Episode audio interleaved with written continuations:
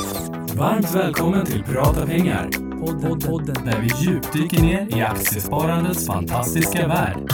Här kommer Unga Aktiesparares VD Filip Scholtze, investeraren Niklas Andersson och klippan på klippan Patrik Boström.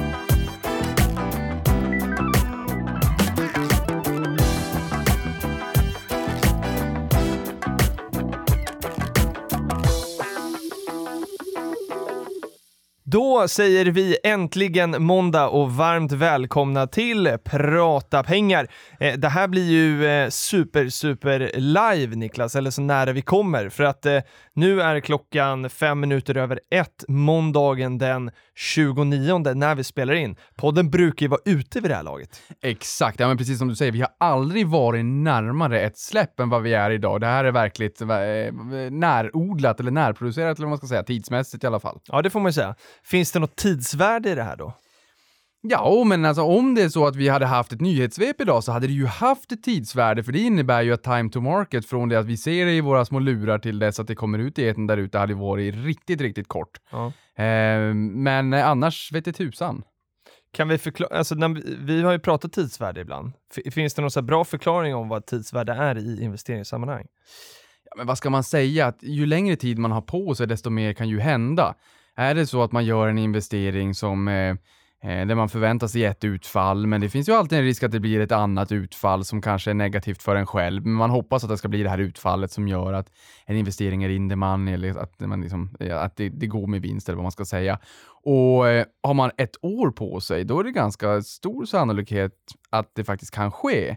Men har man bara en timma på sig, då är den sannolikheten mycket, mycket mindre. Verkligen. Så att där, det, det, finns liksom ett tidsvärde där också. Man får ju betala för det här. Man får betala både för volatilitet, alltså hur mycket en tillgång, nu om vi nu pratar derivat, eh, hur mycket en tillgång brukar svänga, men sen även vad vi pratar om för tidshorisont. Det, det är två faktorer man får betala för i, i prissättning av optioner. nu svänger vi ut lite grann här i tassemarkerna. Vad vi blev avancerade väldigt tidigt här idag. Men optionsskola kanske vi kan ha någon gång. Jag är inte superbra på optioner. Man har ju pluggat det, eh, så här, jag har ju pluggat det i teori både i skolan och så har man gått på Nasdaqs här kurs någon gång och så. Eh, men men det, det, liksom, det sitter inte riktigt, för att jag har aldrig liksom handlat med det direkt. Nej, och det kan man väl säga. Warren Buffett som är en citatmaskin ja, lär också ha sagt att eh, optioner, eller derivat eh, tror jag nog han sa, var finansiella massförstörelsevapen. Och det var ju någonstans också faktiskt eh, det här som både kraschade HQ, alltså värderingen av, av optionsportföljen och var väl också lära i mångt och mycket kring Lehman Brothers eh, och där man inte hade riktigt, riktigt koll på, på vilka motpartsrisker man hade och vad, att man då, eh, ja, men clearingen av, av, den här typen av instrument fanns inte centraliserad på något sätt så att man hade liksom en loggbok över vilka risker som fanns i böckerna. För vissa Nej. av den här typen av derivat handlas OTC, over the counter, och då, då vet man inte. Jag menar, tittar vi på en aktie, då kan vi ju se att den här aktien har handlats till den här kursen från den här banken. Eh, men, men på OTC-optioner exempelvis såg man ingenting. Nej. Eh, men, men, vi får ha någon utbildning framåt ja, det på det där. Och för det då ska ganska... vi, eh, för man måste ägna lite tid åt det här, för det är, det är, lite, det är mycket begrepp och det är inte helt klockrent. Nej, alltså det är egentligen som kontrakt. Man sätter på en turbo egentligen på en, en underliggande, ett underliggande instrument. Och det här underliggande instrumentet, det är ju mera... Det är, mer, ett, det är ju det vi brukar prata om, de kända. Det kan vara en aktie eller ett index eller... En valuta eller valuta, en råvara. Eller, det, där blir det ju mer logiskt. Ja, det men, men, men, men det här liksom, derivatet gör ju att man sätter på en turbo. Det kan vara Liksom, det, det, från, det finns massor av olika sätt som man kan skriva den här typen av eh, derivat på. Så det får vi nästan ta i framtiden, men jag tror att många av de som lyssnar kanske känner igen optioner och terminer och varanter och turbovaranter Man och hör ju begreppen, och, men jo. Eh, förståelsen och eh, hur allt hänger ihop, det vet tusan. Men, det, det är lite men sen är det sådär att man, jag har klarat mig hela mitt eh, eh, ganska korta investeringsliv, men om vi säger då tio år eller något sånt där, eh, utan att eh, röra de här produkterna. Så att om det är så att man känner så här, det där måste jag lära mig det där för att komma igång? Nej, nej absolut nej, nej jag håller inte heller på med det. Det kan vara massförstörelsevapen. Nej, ja, nej, jag håller inte på med det. det. Däremot kan man väl säga att det, det finns... Det är för utbildningens skull kanske? Ja, det är för utbildningens skull. Sen är det väl kul att liksom ha lite förståelse för det, men, men eh, när jag sa att jag inte håller på med det, så det är ju en sanning med, med modifikation, för det gör jag ju faktiskt. Därför det finns ju ibland företag som eh, skapar incitamentsprogram där man har någon form av derivat struktur. Ja. Eh, och det är jag med i. Men i annat fall, till vardags i min portfölj och mitt sparande så använder jag inte derivat. Inte jag heller. Men du, vilken konstig inledning eh, det blev idag. Det här, är, det här, är, det här kan man säga är typiskt prata pengar. När, eh, för vi får ju mycket frågor ibland hur vi förbereder podden och sådär. Eh, och, så, och, och ganska lite brukar vi ärligt säga då. Och det är ju ganska lite. Det finns ju någon struktur, men, men innehållsmässigt är det ganska lite. Många som kommer hit och gästar och får se agendan blir ganska chockade över att vi har så lite text på något, ett program som ska bli en timme. Eh, och, eh, eh, och så typiskt då när vi börjar prata om någonting, du säger tidsvärde och så hakar man på det, okej tidsvärde, ja.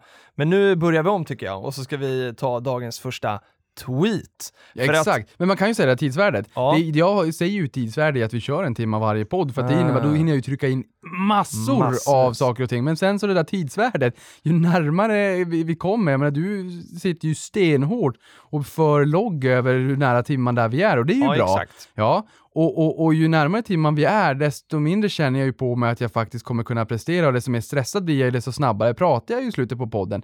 Perfekt exempel på tidsvärde. Bra! Ja. Nu fick vi bra exempel. Eh, och, och ni som har följt det här programmet ett tag, ni vet att eh, vårt innehåll bygger väldigt mycket på det som skrivs under hashtag prata pengar på, på Twitter. Eh, och dagens första, som inte är en fråga, men dagens eh, eh, första tweet som vi ska lyfta kommer eh, från ingen mindre än Niklas Andersson, investerare, som skrev så här. 22.50 föddes vår dotter och Sverige har fått en ny investerare. 23.05 var hon registrerad hos Avanza och unga aktiesparare, hashtag prata pengar. Och det här var alltså den 25 maj. Exakt. Exakt. Löning. Löningsdag. Och Niklas, vad, alltså, sen vi hördes och sen vi såg sist, jag åkte och hämtade dig här idag, eh, för att liksom, du, du ju, har ju helt plötsligt blivit farsa här. Ja, men det kan man ju säga, tidsvärdet av tidsvärdet eller tidsvärdet av, av fritid är ju lika med noll.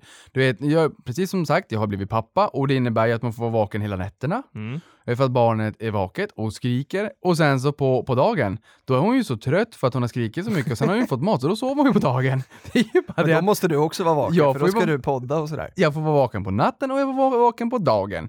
Men nåväl, det är ju alldeles fantastiskt. Och eh, det, det här var ju, jag sa ju till barnmorskan också, det är väldigt viktigt att jag får det här personnumret direkt. För att ni som har lyssnat ett tag vet ju att det fanns ju ett rekord där ute på två timmar och bli medlem då i Unga Aktiesparare. Och det slog jag! Banne mig jag är envis för vädur, det är vad jag är. Och eh, ja, Har, är en kvart. väduren också det? Ja, Jag är stenbock. är också? Sen har de gjort om det där nu tror jag, men ja, strunt samma. Fortsätt. Nu är jag- nu är Rekordet innehölls av Günther Mårder, Ja. enligt egen utsago på två timmar. Exakt. Mm. Och här klarar mig då på 15 minuter. Och vi kan verifiera att vi hade faktiskt debatt om det här innan, Ja. hur eh, du, jag och, eh, och Patrik och liksom vad, vad du skulle behöva göra för att det skulle räknas och så vidare. Så, så att det, det här är också liksom verifierat av oss. Jag, jag fick ju inte regga pre-IPO om man så Nej. säger, för att jag, jag tänkte så här, undrar, det här borde bli den här dagen och jag kanske inte behöver peta in de fyra sista. Jag försökte komma runt det där på något sätt, men det fick jag ju inte. Men, men Nej. sen när, när det liksom var satt i sten då, att hon hade haft sin IPO, avknoppningen var färdig så att säga, då, eh, då re- sprang jag och reggade direkt. För det kom en barnmorska småjoggandes som förstod att jag behövde personen så? direkt. Jo, jo, jo. Men hon visste inte varför riktigt jag behövde det direkt. Jag var nyfiken på sen, Mm. men hon kom småjoggandes. Tre minuter tog det för henne.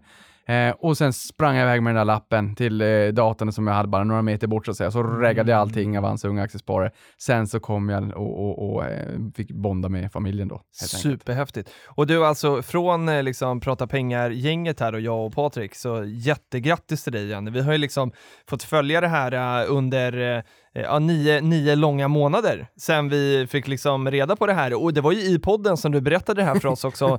och Jenny var med och satt här i studion också och berättade att det här är på gång.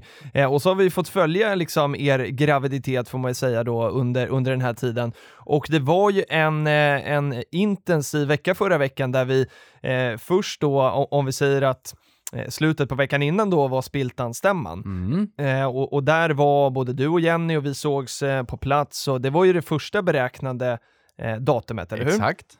Men det klarade vi.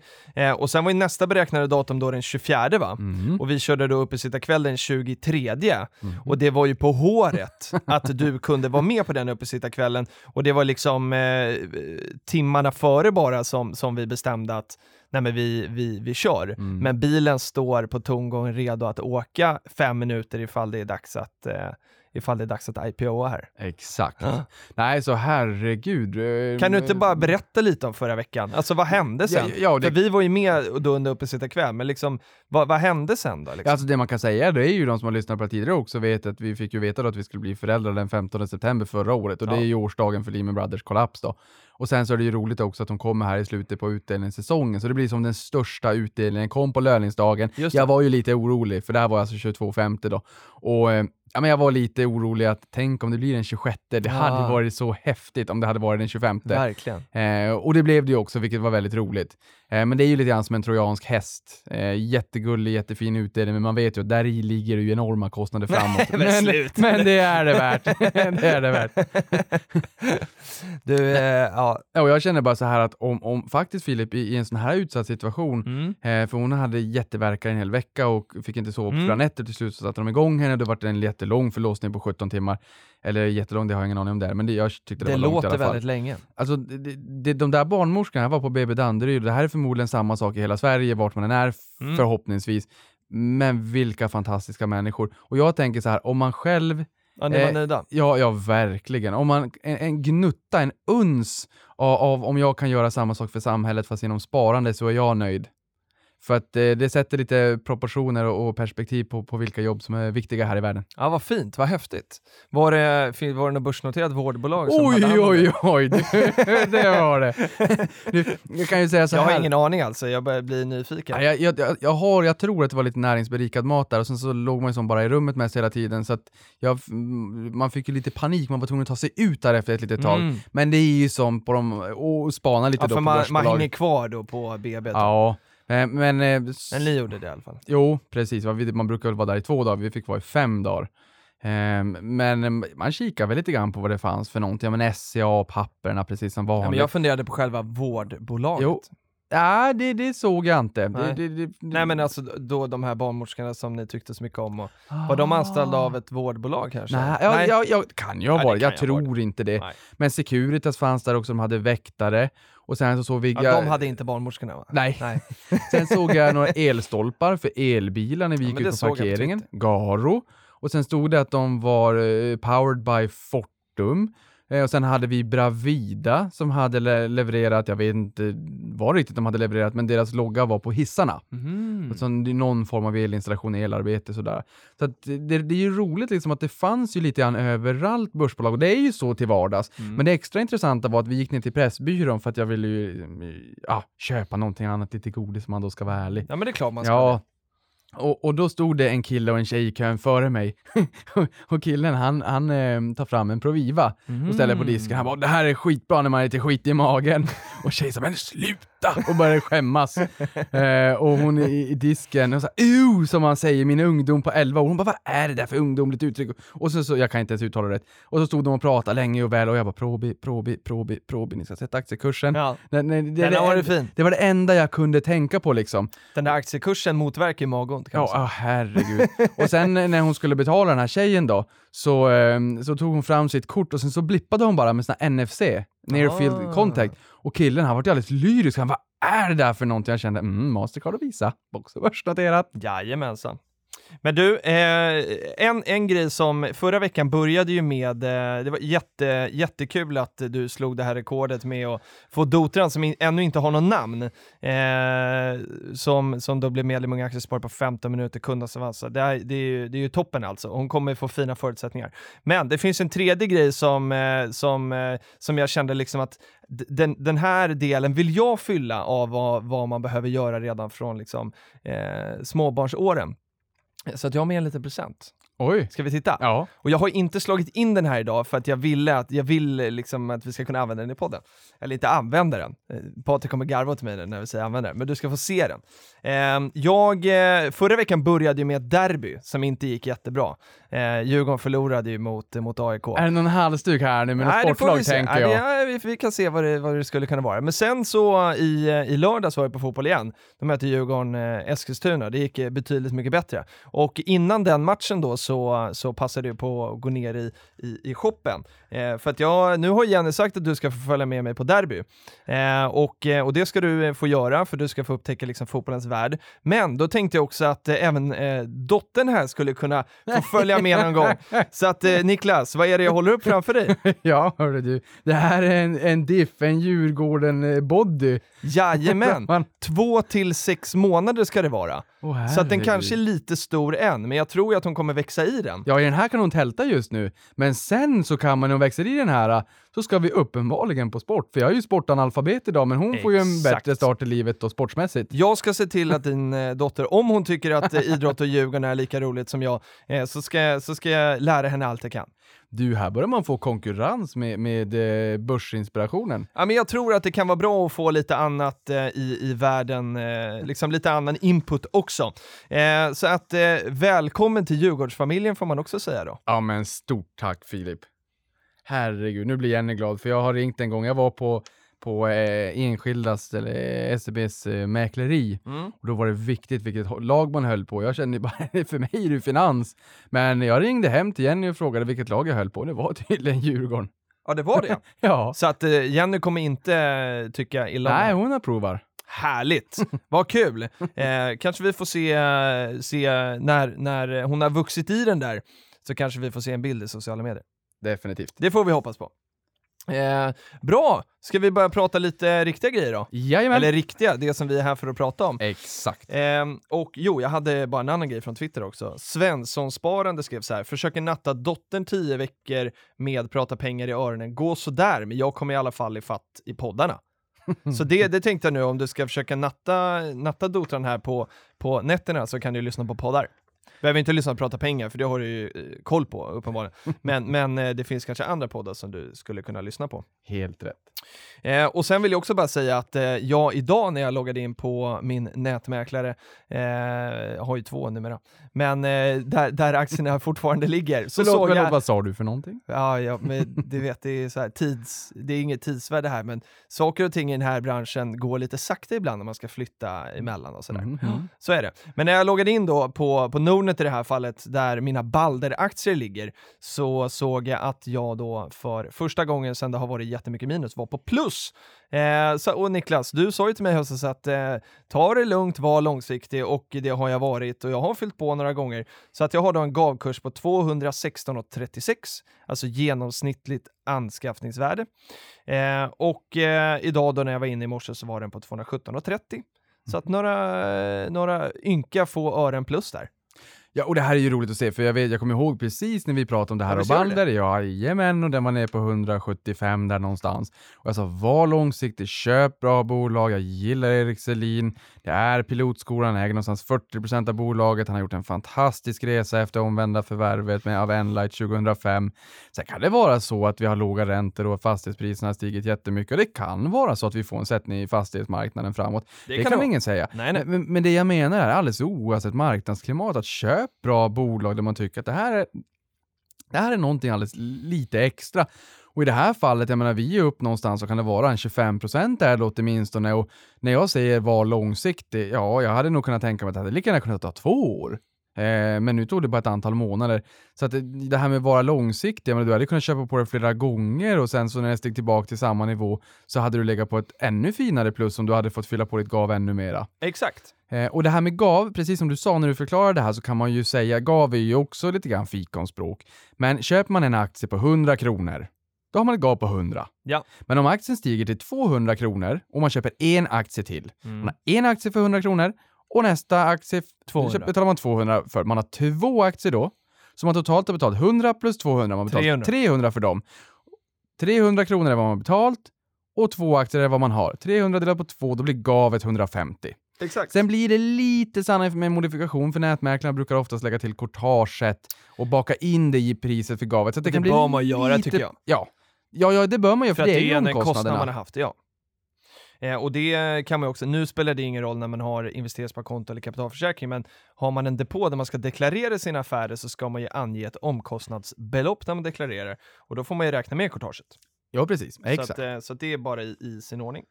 Eh, det var bara en liten parentes. Sen så har eh, Simon Åkerblad skrivit under hashtag prata pengar att härlig sommarläsning, den enda boken i senaste Stock Magazine som jag inte läst klart ännu.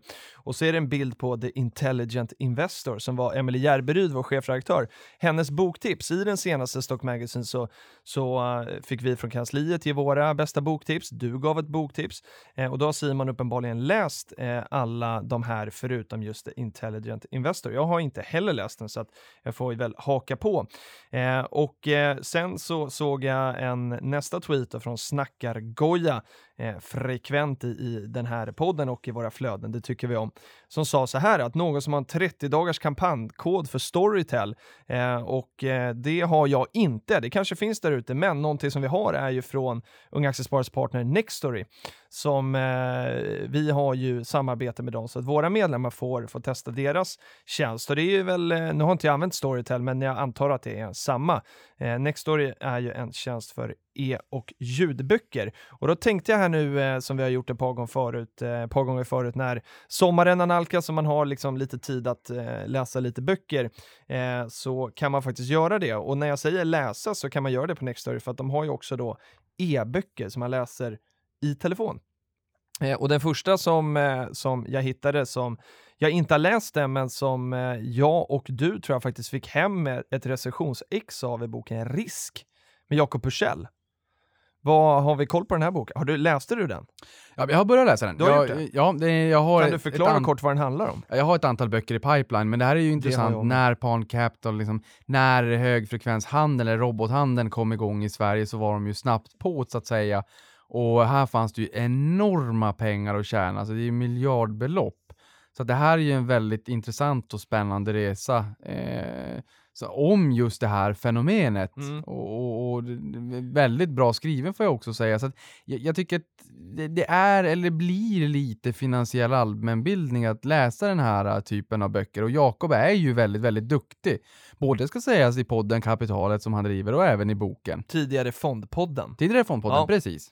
Eh, och eh, ja, men precis, så det, det, eh, jag drog ut en liten snutt där det står att Risk då är en berättelse om en finansiell revolution, om entreprenörskap och om Pan Capital, en av näringslivets bäst bevarade hemligheter.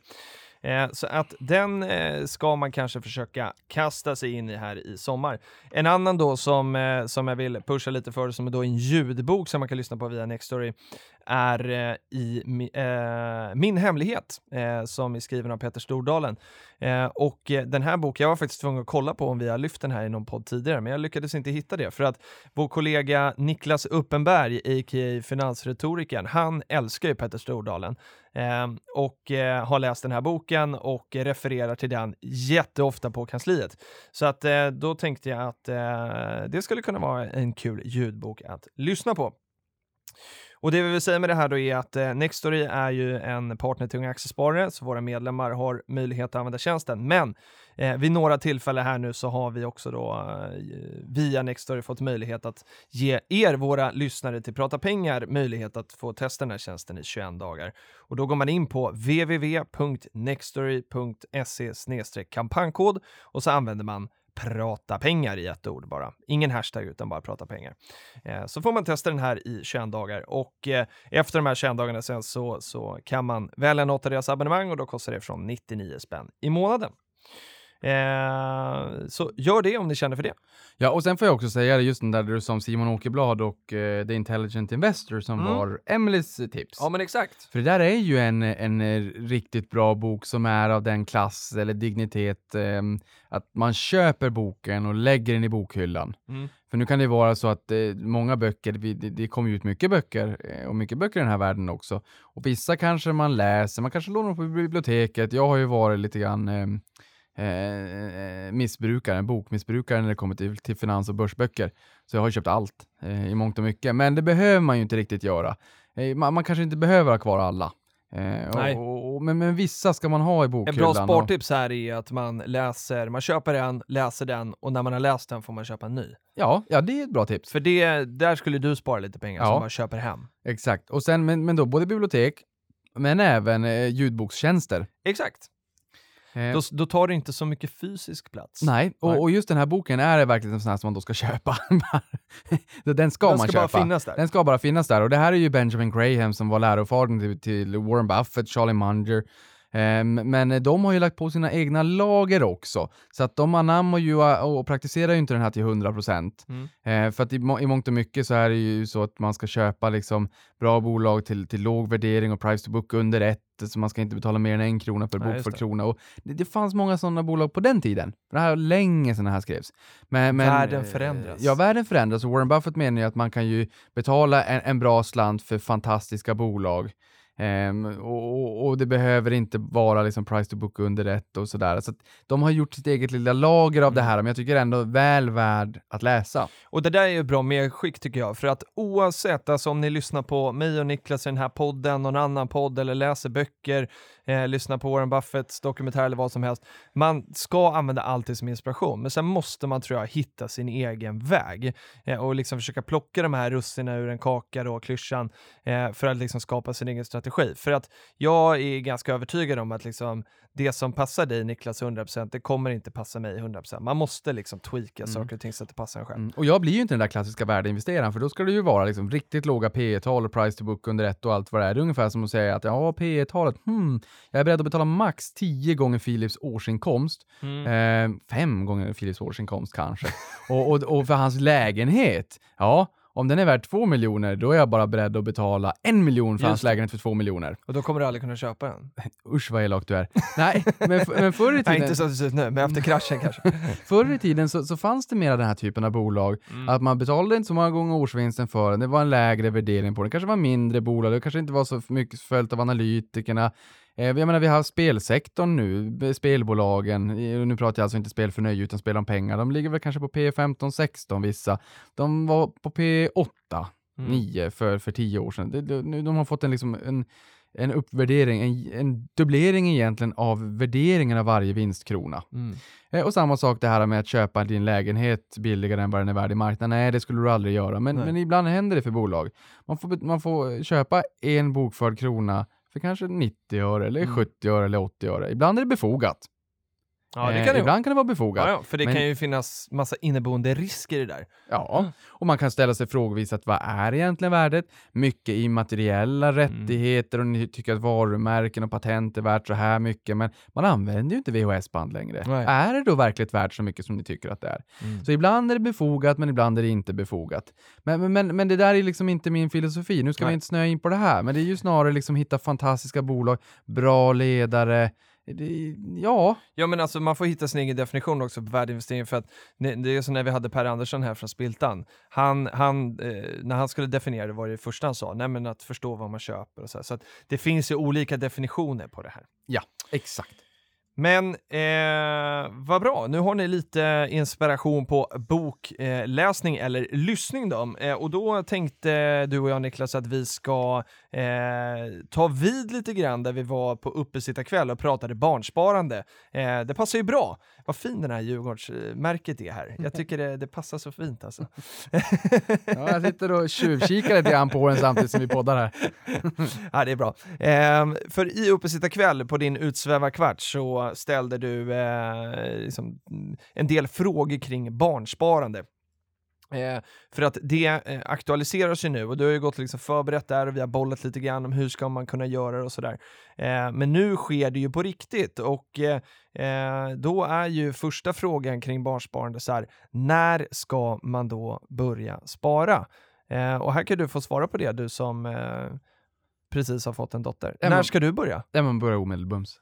Ja, Jag, jag, jag tror faktiskt det. Jag, jag tror att börja omedelbums för att det, det är så mycket som händer, det är så mycket som förändras, det är så mycket som ska göras och det är både förväntningar och skyldigheter och krav och sånt som man vill. Hela, hela, liksom, hela ens vardag Mm. vänds ju upp och ner, till det bättre förvisso. Mm.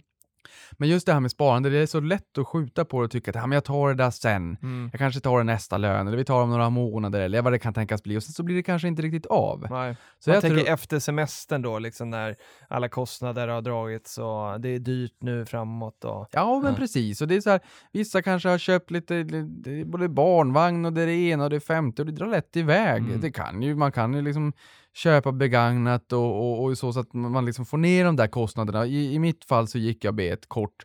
I alla fall på första Ja, barnet. det har du berättat för mig, att det var Eh, dyr barnvagn och... Ja, det, är, det är väldigt, det har varit rätt mycket pengar. Vi har säkert bränt 25 000 och vi har bara handlat en liten, liten fraktion av det vi ska handla. Mm. Men, men jag har en förståelse för att det kanske är så här när det kommer till första barnet. Jag tror att man kan vara lite hårdare kanske när det kommer till, till barn nummer två. Men det är ju mycket det här känslor och det är liksom, ja men det är viktigt för en. Det är det, är det jag säger liksom, att både när det gäller barn och när det gäller djur så kan man ha riktigt höga marginaler. Mm. En kaffe för 399 kronor till en barnvagn Det är helt sjukt. i plast. Det är helt sjukt. Ja, det är helt sjukt. Men, men jag tror så att, nu, köpte inte jag den för att jag, jag har inte mag att betala så mycket. Den kostar Eh, 2,50 att tillverka. Ja, precis. Ja. Nej, men just det här, börja direkt. Samma sak med träning. Mm. Den bästa träningen är den som blir av.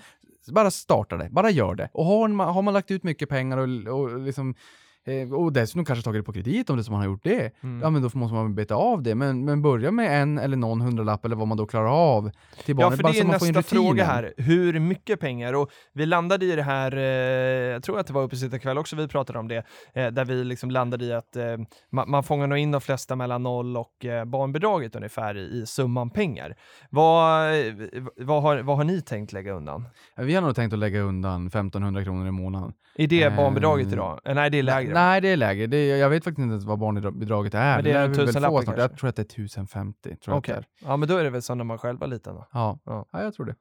Okej, Eh, men då kommer ni spara ganska mycket helt enkelt. Ja, jo, det blir ju ganska mycket. Det, det, Om man ska, och, och, nu har inte jag något snitt på vad ett barnsparande är, men, men eh, jag kan tänka mig att det är, för många där ute så är nog det mycket pengar att lägga undan. För nu pratar du också per månad tror jag. Jo, per månad.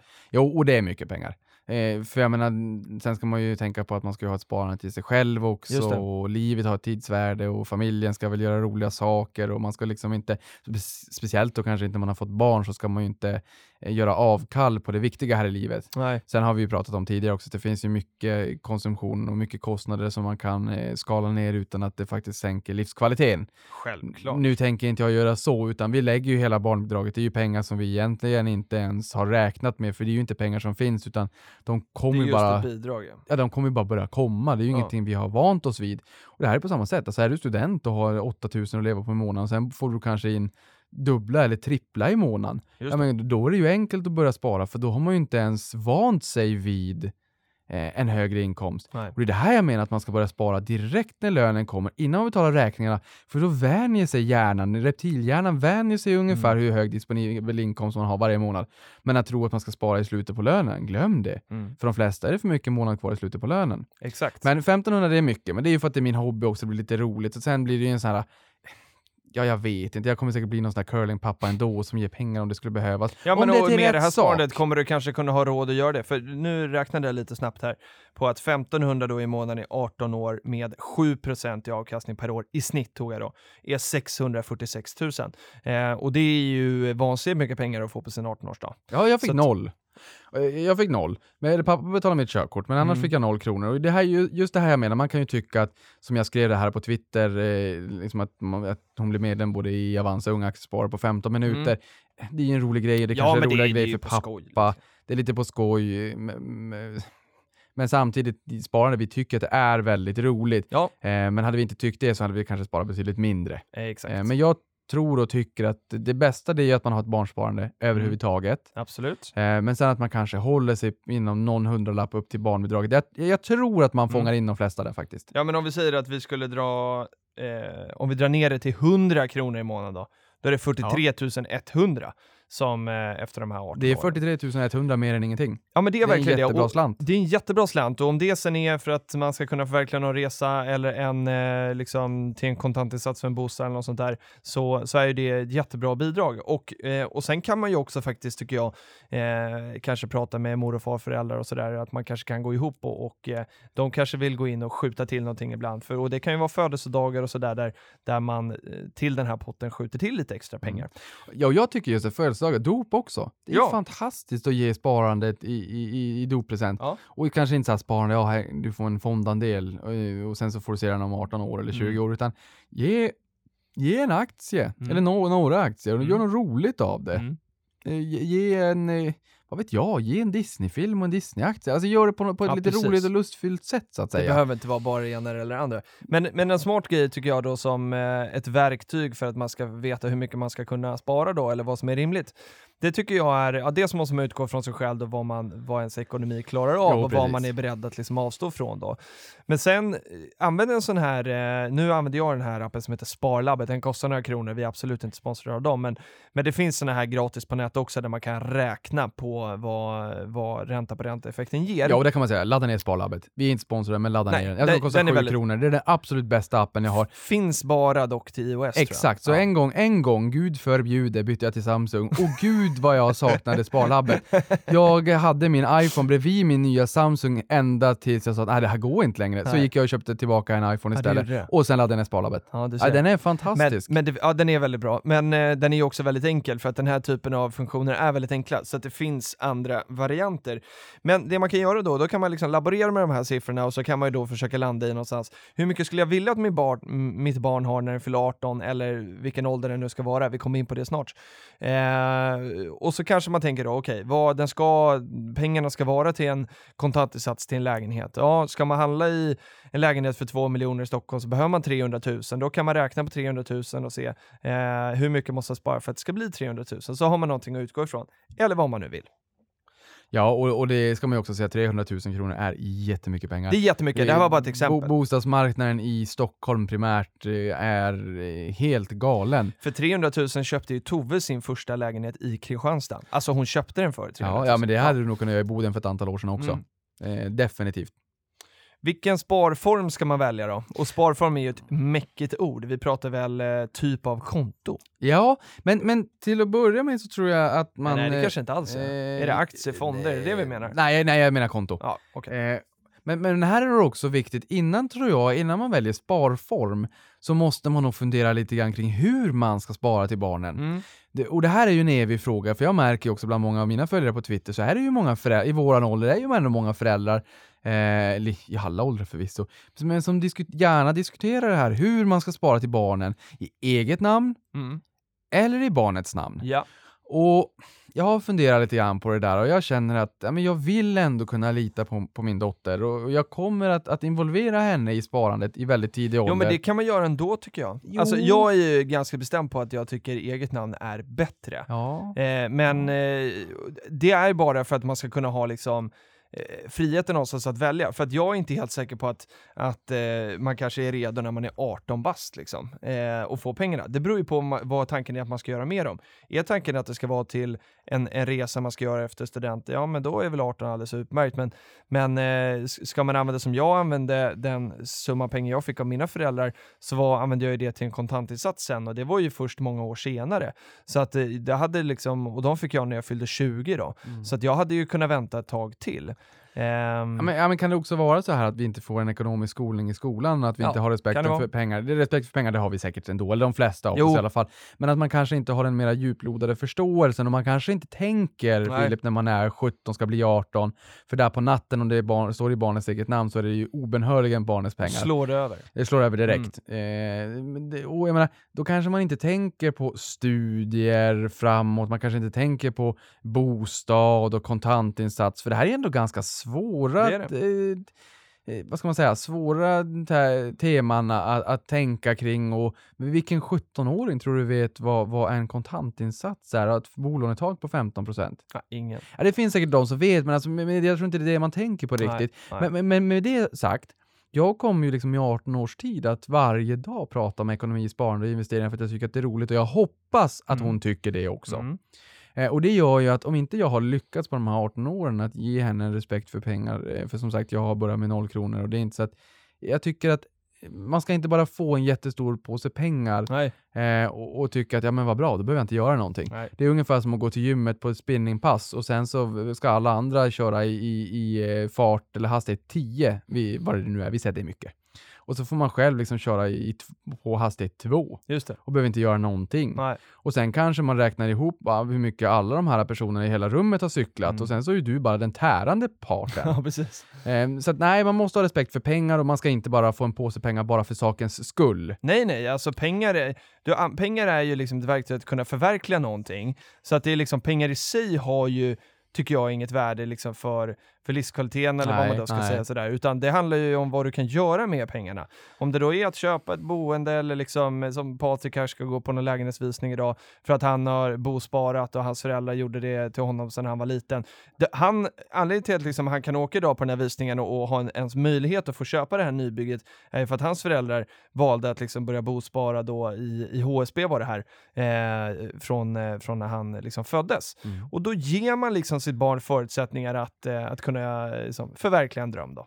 Och jag tror ju då också, i och med att jag vill involvera henne i sparandet och i förvaltningen av portföljen i, i väldigt tidigt skede. Vi har pratat väldigt många gånger om, om Stefan Telenius, det finns många där ute, men han gör ju det. Jo, ja. Eh, och, och här i söndags nu så la han ut en ny blogg då, det, det, där hans två barn fick bestämma vilken aktie som gällde just den här månaden.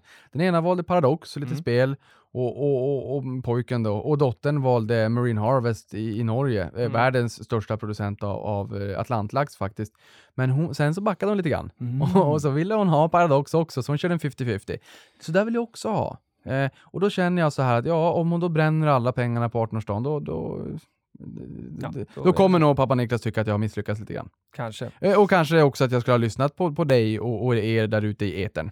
Men, men just det här med spara i eget namn också, det är inte busenkelt. Ja, men då, för om vi ska bara konkretisera det här lite grann, när man ska välja sparform, du har egentligen två alternativ om man eh, så. Du ska spara på investeringssparkonto eller kapitalförsäkring, för det tycker vi är om, det är de två alternativen som är bra. Ja. Eh, för att du har schablonbeskattat och det blir bra över tid och sådär. Tycker vi och tror vi. Eh, och, eh, och, och då om du gör det i kapitalförsäkring, då kan du göra det i eget namn med barnet som förmånstagare, vilket betyder att pengarna är dina så länge du väljer att behålla dem. Skulle du gå bort så kan barnet Eh, så kommer pengarna tillfalla barnet och inte gå in i den vanliga arvsordningen. På ISK så kan du antingen välja att göra det i eget namn, men då kommer ba- eh, pengarna att gå in i arvsordningen, alltså maka, maka, sambo, la, eh, om, om du skulle gå bort. Eller så kan du på ISK välja att spara i barnets namn, men då på 18-årsdagen så går pengarna över till barnet direkt. Det är egentligen de tre alternativ man har. Mm. Och, och, det här är ju, de här schablonskattade konton då, ISK kapitalförsäkring, de är ju eh, bättre egentligen. Fördelaktiga Mer för- fördelaktigt. ja. Så, så, så länge eh, avkastningen, eller förväntad avkastning, det är det enda vi kan säga om framtiden, Ja. förväntad. Ja. Eh, men vi tror ju att avkastningen ändå kommer att överstiga statslåneräntan. Yes. Sen finns det en sån här plus 0,75, gud förbannade politiker där ute. Jag vet inte hur många gånger jag har sagt det här och jag är fortfarande arg på dem. Men, men, men att man la till en liten straffskatt också. Men, eh, och ett golv på 1,25 då. Mm. Men så länge, i alla fall i år, som den förväntade avkastningen överstiger 1,25 procentenheter så är det bättre eh, Ja. att ha ett schablonskattekonto. Sen kan det ju falla vissa år. Så Det kan du göra, ju. men då kommer vi eh, prata om det i den här podden, så ett, eh, fortsätt, eh, fortsätt häng med här också. Exakt. Ja, och, och det intressanta här är ju att bo- OMXS30, de 30 mest omsatta aktierna på Stockholmsbörsen, förväntas ju gilda 3,7 procent Ja, i år. Alltså direktavkastningen förväntas vara 3,7 procent, så redan där är man ju faktiskt hemma. Just det. Eh, och sen så hoppas vi få lite kurstillväxt ovanpå toppen där också då. Och just den här eh, statslåneräntan, vi ska inte liksom fastna här då, men det är genomsnittet av statspapper med en löptid på 5 upp till 10 år. Och jag menar, statspapper, det är det man i dagligt tal kallar för riskfri ränta, Mm. för att risken ska ju vara obefintlig att staten ställer in betalningar. Men det har ju hänt Det Argentina, Niklas säger Ryssland och det finns svåra eh, förklaringar till varför... det finns en logik i det. Det finns en logik till det här. Jo. Ehm, så är det. Jo. Men, men, men, men där ska man också säga att om, om man har som förälder Mm. har det här i eget namn. Det är jättebra att du säger att kapitalförsäkringen är den bästa lösningen då. Därför att de som rakt av säger att ISK är bäst, det är, så kan man inte säga. Nej. Därför att det finns, liksom, det, det om det bara har med sparandet att göra, fine, då kanske ISK är bättre. Eh, kommer det till utländska innehav och sådär, utdelningsmässigt och med, med, med skatt i olika länder, ja, och då blir kapitalförsäkringen bättre. Men när det är juridiska spörsmål så är ju kapitalförsäkringen ett bättre, en Varför bättre då? produkt. Alltså den kommer ju från första början från försäkringsbranschen Mm. för att fly förmånsbeska- eller för, eh, förmögenhetsskatten. Förmögenhetsskatt. Eh, och det är en försäkringsprodukt. Mm. ISK är en bankprodukt som kom 1 januari 2012. Och i och med att det är, egentligen så är det ju inte en försäkring. Alltså egentligen om man ska vara helt Men ärlig. det finns ett försäkringsmoment. Ja, och det var ju för att det måste vara Ja. så, men, men det man ville var liksom att komma bort från förmögenhetsskatten. Eh, och, och här, i och med att det är då en försäkring, eh, så, så får man ju då sätta en förmånstagare, alltså man får pinpoint att den här personen på gatan, den personen ska ha mina pengar och kunna kringgå just det här med allmän arvsordning och sådär. För att det, det, det kan bli fel annars. Nu ska vi se om jag bara spontant kan dra ett exempel, men vi säger så här att om det är en, en kvinna och en man, de är inte gifta, de har, den här mannen har ett barn sedan tidigare, eh, särkullbarn. Det är inte deras gemensamma barn, utan särkullbarn från ett Mm. tidigare förhållande.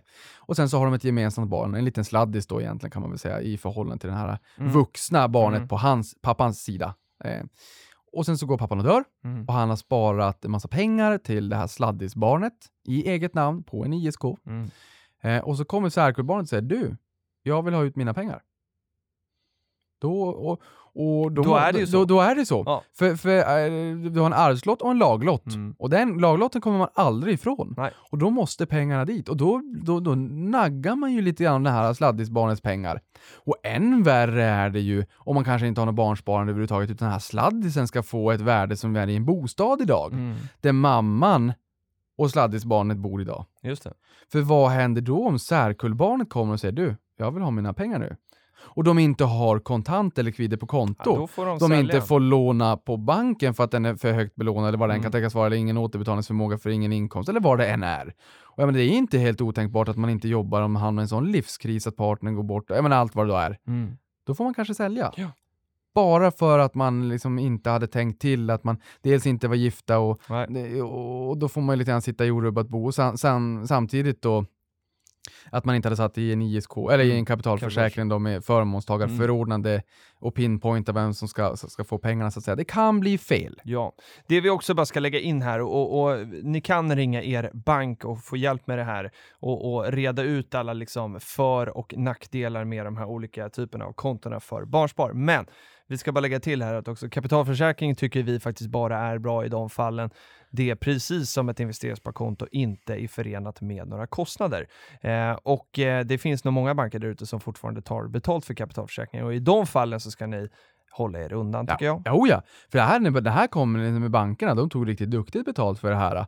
Eh, både en avgift på kapitalet varje år och sen så var det en inlåsning på fem år. Här är storbankerna, nu får de bara hundhuvud, men det är så det var. Eh, nätmäklarna har aldrig haft det här och kommer förmodligen aldrig att ha det heller.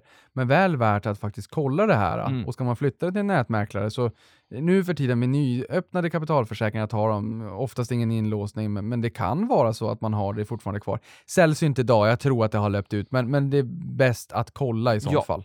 Eh, och eh, kanske den, liksom, den sista grejen vi ska beröra kring det här är den här rättvisa aspekten. Och, och det talar också för eh, min tes om att eh, en eh, kapitalförsäkring är eh, det, det bästa alternativet. För att är det så att eh, man, man då får flera barn, vi var inne på det på Uppesittarkväll också, och så börjar man spara till den första då här eh, 2017 och sen får du nästa barn 2019 och så tredje då eh, 2020 eller 2021 eller något så. Och så börjar man, startar man ett ISK eller en eh, separata konton till de här där man sparar pengar i. Så kommer det och så säger man att alla barnen ska få det här när de fyller 18 eller 20. Så kan vi nästan garantera att summan slutpengar kommer inte vara samma för de här tre barnen. Eh, för att börsen kommer inte ha rört sig identiskt under de här eh, tidsintervallerna. Eh, så att där finns det en annan aspekt i att liksom samla det här på ett och samma och då kunna köra kapitalförsäkring, eh, sätta alla tre barnen som förmånstagare. Barn nummer ett, det är den ensam förmånstagare. Barn nummer två, då lägger man till den och barn nummer tre lägger man till även den. Det går alldeles utmärkt. Och så får alla jobba med samma pott. Så det betyder när första barnet fyller 18, då kan man ju stämma av och se vad finns det i den här depån nu? Och så kan man, eh, och så kan man liksom eh, då landa i att säga, ja men den här summan, den kan jag plocka ut, för den kanske jag eh, ser redan nu att den kommer räcka även till barn två och barn tre.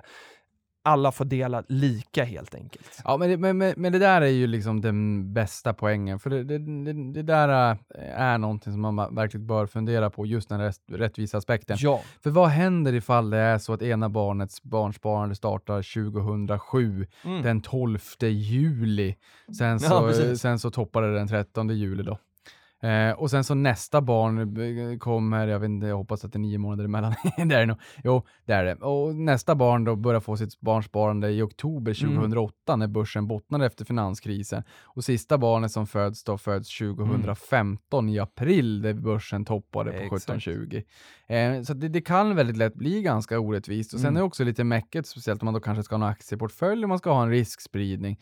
Aktiesparande vet som vi har sagt tusen gånger, 10-15 aktier, 56 olika branscher branscher. Ut, ut, ut, ut. Och vi kommer Bra säga tusen gånger till. Ja, tusen gånger till. Ja, Och det blir ju ganska mycket om man ska ha 10-15 aktier i 56 olika branscher, olika Mm. för alla de här tre barnen i det här exemplet. Så att en kapitalförsäkring med eh, samt, eh, en pott för samtliga barn att, att splitta på, Mm. det är, det är en väldigt sund tanke. Ja. Väl värd att fundera på som förälder. Men där kan man också fundera på när ska barnen få pengarna? Det är en jättebra fråga. Ja. Eh, för det här är i mångt och mycket i, min, i, i, mina, i mina unga dagar när jag jobbade som rådgivare på storbank, när man pratade just med föräldrar och barnsbarnet, när ska barnen ha pengarna då? Därför att vissa kanske tycker att, och tänker att ja, men det är studier och det är bostad och allt vad det är när de är 18-20. Mm. Men vissa kanske tycker att de här pengarna ska gå till eh, något no kollo eller Mm. en moped Mm. eller en, en, en eh, ridskola eller ja, vad den kan tänkas vara som är lite mer kostsamt under livet. Mm. Ska man ta det från balansräkningen, barnens sparande, eller ska man ta det över resultaträkningen, mamma och pappas Löpande plånbok, lön. löpande lön? Mm. Eh, Så det är också en viktig fråga. Ja, när är ska man använda pengarna? Och du sa det här att eh, det blir barnets pengar den dagen han eller hon fyller 18. Ja, det är barnets pengar från dag ett, från första kronan. Mm. Är det så att banken tror att eh, om man då ska ge ett uttag, att det här uttaget gör du inte för barnets bästa, då, då kan banken och då bör banken neka dig som förälder att göra det här uttaget. Ja, så visst. är det. Man Absolut. ska inte bli förvånad om det händer, eh, för det, de har den rätten. Mm. Eh, och, och för det är barnets pengar från dag ett. Mm. Och sen är det också så här att om barnet får alldeles för mycket pengar, eller för mycket pengar, men, men, men om barnet får, eh, får ihop en del pengar så kan det vara så att, jag tror att det är kommunen som också ska utse en överförmyndare, en överförmyndarspärr, så då måste man ha godkänt att ta ut pengar som förälder på kontot om barnet får, det är någonstans över 400 000 kronor. Mm. Ehm, så att det finns ganska, ganska många frågor att, att faktiskt åtminstone sätta sig ner och klura lite grann kring. Kan vi inte göra så här nu att vi, eh, vi säger att den här veckan så kör vi lite barnspartema under, det här har vi aldrig gjort, under vår hashtag prata pengar. Eh, så att eh, låt det här avsnittet vara som en, liksom ett startskott för en ett barnsparande vecka. Och så kan vi hjälpas åt i under hashtag prata pengar under den här veckan att inspirera varandra, svara och bolla på den här typen av frågor. Inte Och det en kul grej? Det är en jätterolig grej. Och just det här med att involvera barnen i tidig ålder, vilket jag kommer göra och jag vet många andra där ute gör också. Dela gärna med er också lite tips och idéer på hur ni Exakt. involverar barnen. För det här vet vi ju, skolan tar inte ansvaret, politikerna tar inte ansvaret, Swedbank tar inte ansvaret med lyckoslanten. Jag har tjatat jättemycket på dem. Spara, slösa, lägg dit, investera. Nej, tycker de, för vi vill inte trycka på marknadsföring på barnen. Nej, det gör ni inte. Ni ger dem möjligheten och förutsättningarna till ett bättre sparande, ett bättre ekonomiskt tryggad framtid livet ut. Eh, så gör det istället i flödet tycker jag. Dela med er av era bästa tips, för de vill i alla fall jag höra. Ja, och nu ska vi ta dagens sista fråga och eh, det kommer på ett mejl som vi har fått av Maria och det här är lite roligt för det är en dialog. Eh, hon säger så här då, i senaste Smålandspodden, vi hade ju Per Andersson från Spiltan här, eh, så nämnde du Niklas den gamla devisen att köpa när det gör som ondast. Eh, kan ni inte ta och resonera lite kring att sälja när det gör som ondast? Ska eller bör man det och i så Men, fall i eh, vilka nu sammanhang? betonade du inte det.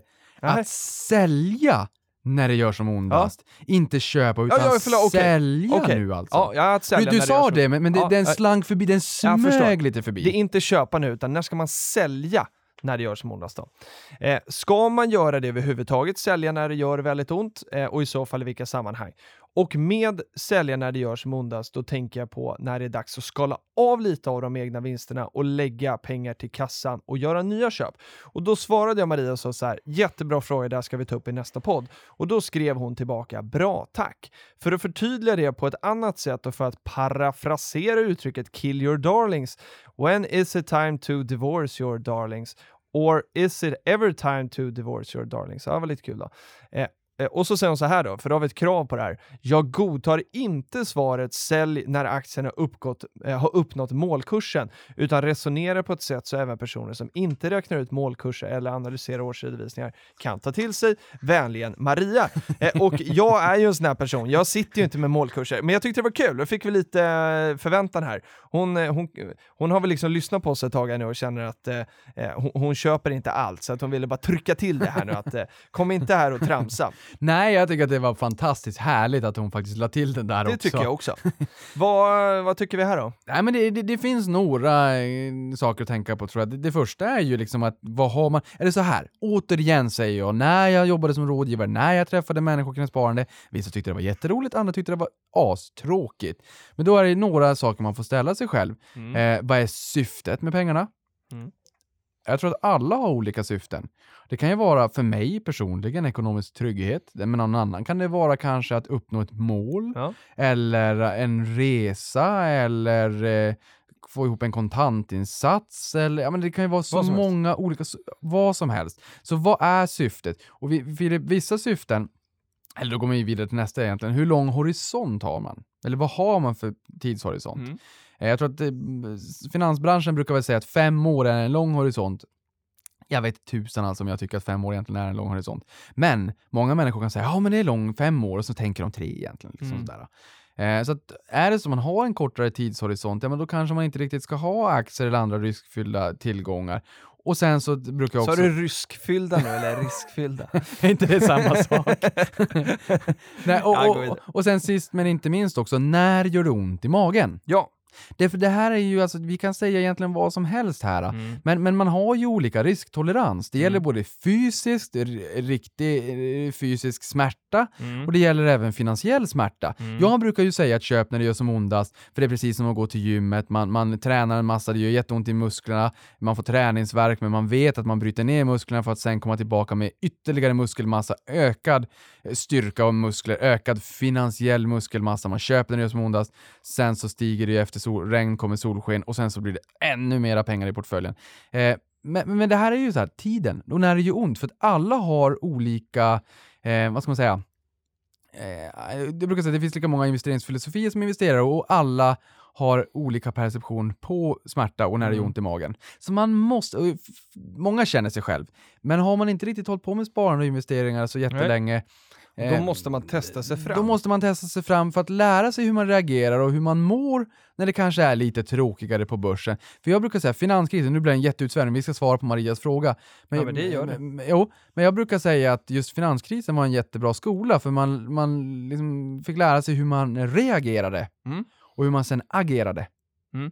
För det var en jättebra skola, det är jättemycket psykologi i den här världen. Mm. Men ja du, när ska man sälja? Är det så att man har aktier i ett bolag där man tycker, om vi, om vi nu leker med tanken att man är jättelångsiktig, det här med vi- vissa utstakade mål i närtid som en kontantinsats eller en resa eller någonting, eh, det, det, det ser vi inte framför oss här, utan vi har en, en Vi pratar som, ja, men, som, som dig då, som vill ha ekonomisk trygghet Ja. och då är det på obestämd tid. obestämd tid. Ja. Eh, Men är det så att man har ett bolag där bolaget inte riktigt lever upp till de förutsättningarna och förväntningarna som man hade när man en gång köpte det här bolaget, Mm. ja då är det time to kill your darling. Mm. Därför är det inte samma bolag, ja då ska man skilja sig. Och om man, framförallt om man eh, inte tror att, att det skulle liksom kunna komma tillbaka till det, för att ett bolag kan ju hamna i en svacka. Eh, och eh, ungefär som, som liksom HN som både du och jag sitter i, vi har pratat om det i podden förut också, men där är så här, eh, där, där aktiekurserna har eh, historiskt har hamnat i en re, rejäl svacka de här senaste åren. Och, eh, och anledningen då att man sitter kvar är för att man tror att det ska liksom kunna ta sig tillbaka och att det där ska kunna repa sig. Eh, och, och, och då får man ju liksom tänka lite på, tror jag det eller tror jag inte det? Jag har ju köpt aktier som jag har köpt av någon anledning för att jag har tänkt att amen, det här vill jag ha, den här typen av bolag och sen har jag ångrat mig eh, och så har jag sålt det. Så att för mig så, så har jag kunnat vara ganska liksom Eh, hoppa ganska snabbt där. Med, medan bolag som H&M då som jag haft nu och som säga, började investera i aktier, där ska det liksom mycket till för att jag ska sälja. För att jag har liksom, jag har gift mig så nära det här så att jag kommer inte ge upp bara för att det blir lite bump on the road, utan då vill jag verkligen då vill jag verkligen känna att nej, men det här, jag tror inte på det här längre. Och det var en anledning till att jag gick på årsstämman då, för att få den här känslan som jag tycker är så viktig. Sen finns det ju olika sätt att kill your darlings. Du behöver ju inte liksom vara binär och vara all in eller all out. Du kan ju välja då att sälja hälften. Det här är ett så här gammalt Günther-tips som är, som är bra tycker jag. Där man säger, är man osäker, sälj hälften då och gör något annat med dem. Så har man liksom tagit lite, lite höjd för att så här, ja men hade jag, hade jag rätt i att det här kommer fortsätta vara jobbigt ett tag, bra, då tog du bort hälften. Men också så här, tror man att nej, men jag tror att det här kan vända någon gång på sikt, så, så klär man ju inte ur helt. För det är jättesvårt att tajma det där helt rätt. Ja, och, och det här är ju liksom... någonstans man har gjort en analys och man tycker att ja, men det här är ett bolag jag vill äga långsiktigt. Mm. Ta nu H&M som exempel här som vi gjorde då. Ja men det är väl klart att de kommer fortsätta sälja kläder. Alltså, det, det, det är så självklart så att det är nästan löjligt.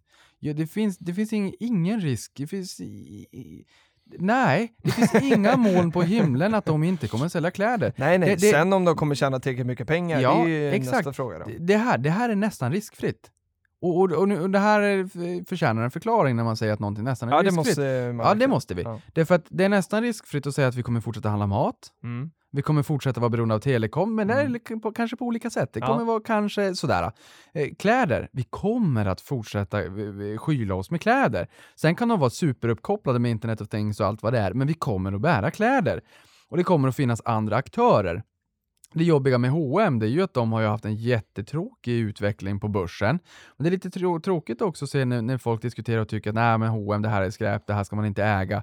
Nu när det har gått ner. Den stod i 368,50 och nu har den gått ner Mm. till 220 eller vars den vände. Och nu tycker man att det är dåligt. Mm. Det är liksom det man säger i nöd och lust. Och det är ju någonstans som man tycker att ett bolag är bra, då är det där man ska köpa om man tror Exakt. på framtiden. Och jag menar, eh, finansiellt, aktien har gått ner. Är det samma sak som att aktien är dålig? Eller som att bolaget är dåligt? Definitivt inte. Nej, punkt. Men i det här fallet så är det inte nej, punkt. För i det här fallet, Filip, så har också det fundamentala i bolaget Mm. hängt med. Därför att vi har sett att H&M Vi ska inte landa i H&M för vi är på timmar nu, så Ja, vi ska ja, faktiskt okej, avsluta. Ja, men, du avslutar Ja. lite snabbt. Men, men det jag menar är att aktiekursen har gått ner ganska mycket och det kan det ju göra om det är så att vi har tråkigt sentiment på börsen Mm. och sådär och mycket går ner och då kan man köpa på sig den och sådär. Mm. Så att bara för att en aktie går ner så behöver det inte betyda att bolaget går dåligt. Men i det här fallet när det gäller H&M så har ju H&M fått en ökad utmaning när det kommer till både konkurrenter men sen även online-närvaron Mm. som är så viktig för dem. Absolut. Så vi ser ju att försäljningen inte har växt så som man hade kunnat önska. Nej. Och lönsamheten i termer av marginaler, alltså hur många kronor man tjänar per hundralapp såld ute i butik Mm. som trillar in på sista raden, har ju minskat ganska ordentligt. Mm. Så här har vi både en aktiekurs som har gått ner och en lönsamhet som har gått ner. Och tror man att det här är någonting som kommer, en, en konkurrens som kommer fortsätta öka och det, man kommer aldrig komma till, tillbaka till bra lönsamhet, ja då kanske det i sådana fall eh, typexempel på när man man ska kränga. omvärdera. Ja, därför att eh, det är förmodligen riskfritt att eh, eh, liksom, klädesförsäljningen kommer ju aldrig att ta slut förmodligen. Nej, men den som det kapitaliserar på det. Ja, och det är inte säkert att det är just av H&M vi kommer handla de här kläderna. Exakt. Eh, Det får vi, eh, det får vi se. Och det, med det sagt så är det ju inte riskfritt att H&M alltid kommer finnas Nej, kvar nej, på nej, börsen nej, för all framtid. Det tror vi. Ja, det hoppas vi. Men det är inte riskfritt. Det kan komma andra aktörer, men kläder kommer vi alltid att behöva och den som bäst eh, fyller våra behov Ja. kommer vara vinnaren. Så är det. Eh, jag tycker att vi, eh, det här var eh, ett kul koncept vi kommer på här idag, att vi tar med oss Killer Darlings-frågan även till, eh, till hashtaggen prata pengar. Skriv båda om barnspar och när dödar du dina darlings då? Eh, ta med båda dem eller sälj dina aktier. Vad krävs för att du ska sälja en aktie? Svara på, på den frågan under hashtag prata pengar så fortsätter vi snacket där. För nu är det dags för mig att springa iväg till ett annat möte så att jag inte blir sen. Aha! Ja, men du, jag har ju alltid i världen. Jag är ju pappaledig nu. ja, jag vet. Nej, skämt åsido. Du, Niklas, stort eh, grattis till, eh, till Bebben och eh, grattis till Jenny också. Vi är superglada. Eh, vi hoppas få se den där tröjan på, på snart. Eh, så hörs vi igen nästa vecka. Fördelen med att vi poddar idag måndag är att vi också kommer få ses på fredag och podda. Ah, vad fantastiskt. Härligt va? Det är nästan så att det ska förmånsbeskattas. Ja, nästan. Men det gör det inte. Tack för idag hörni. Hej! Hej hej.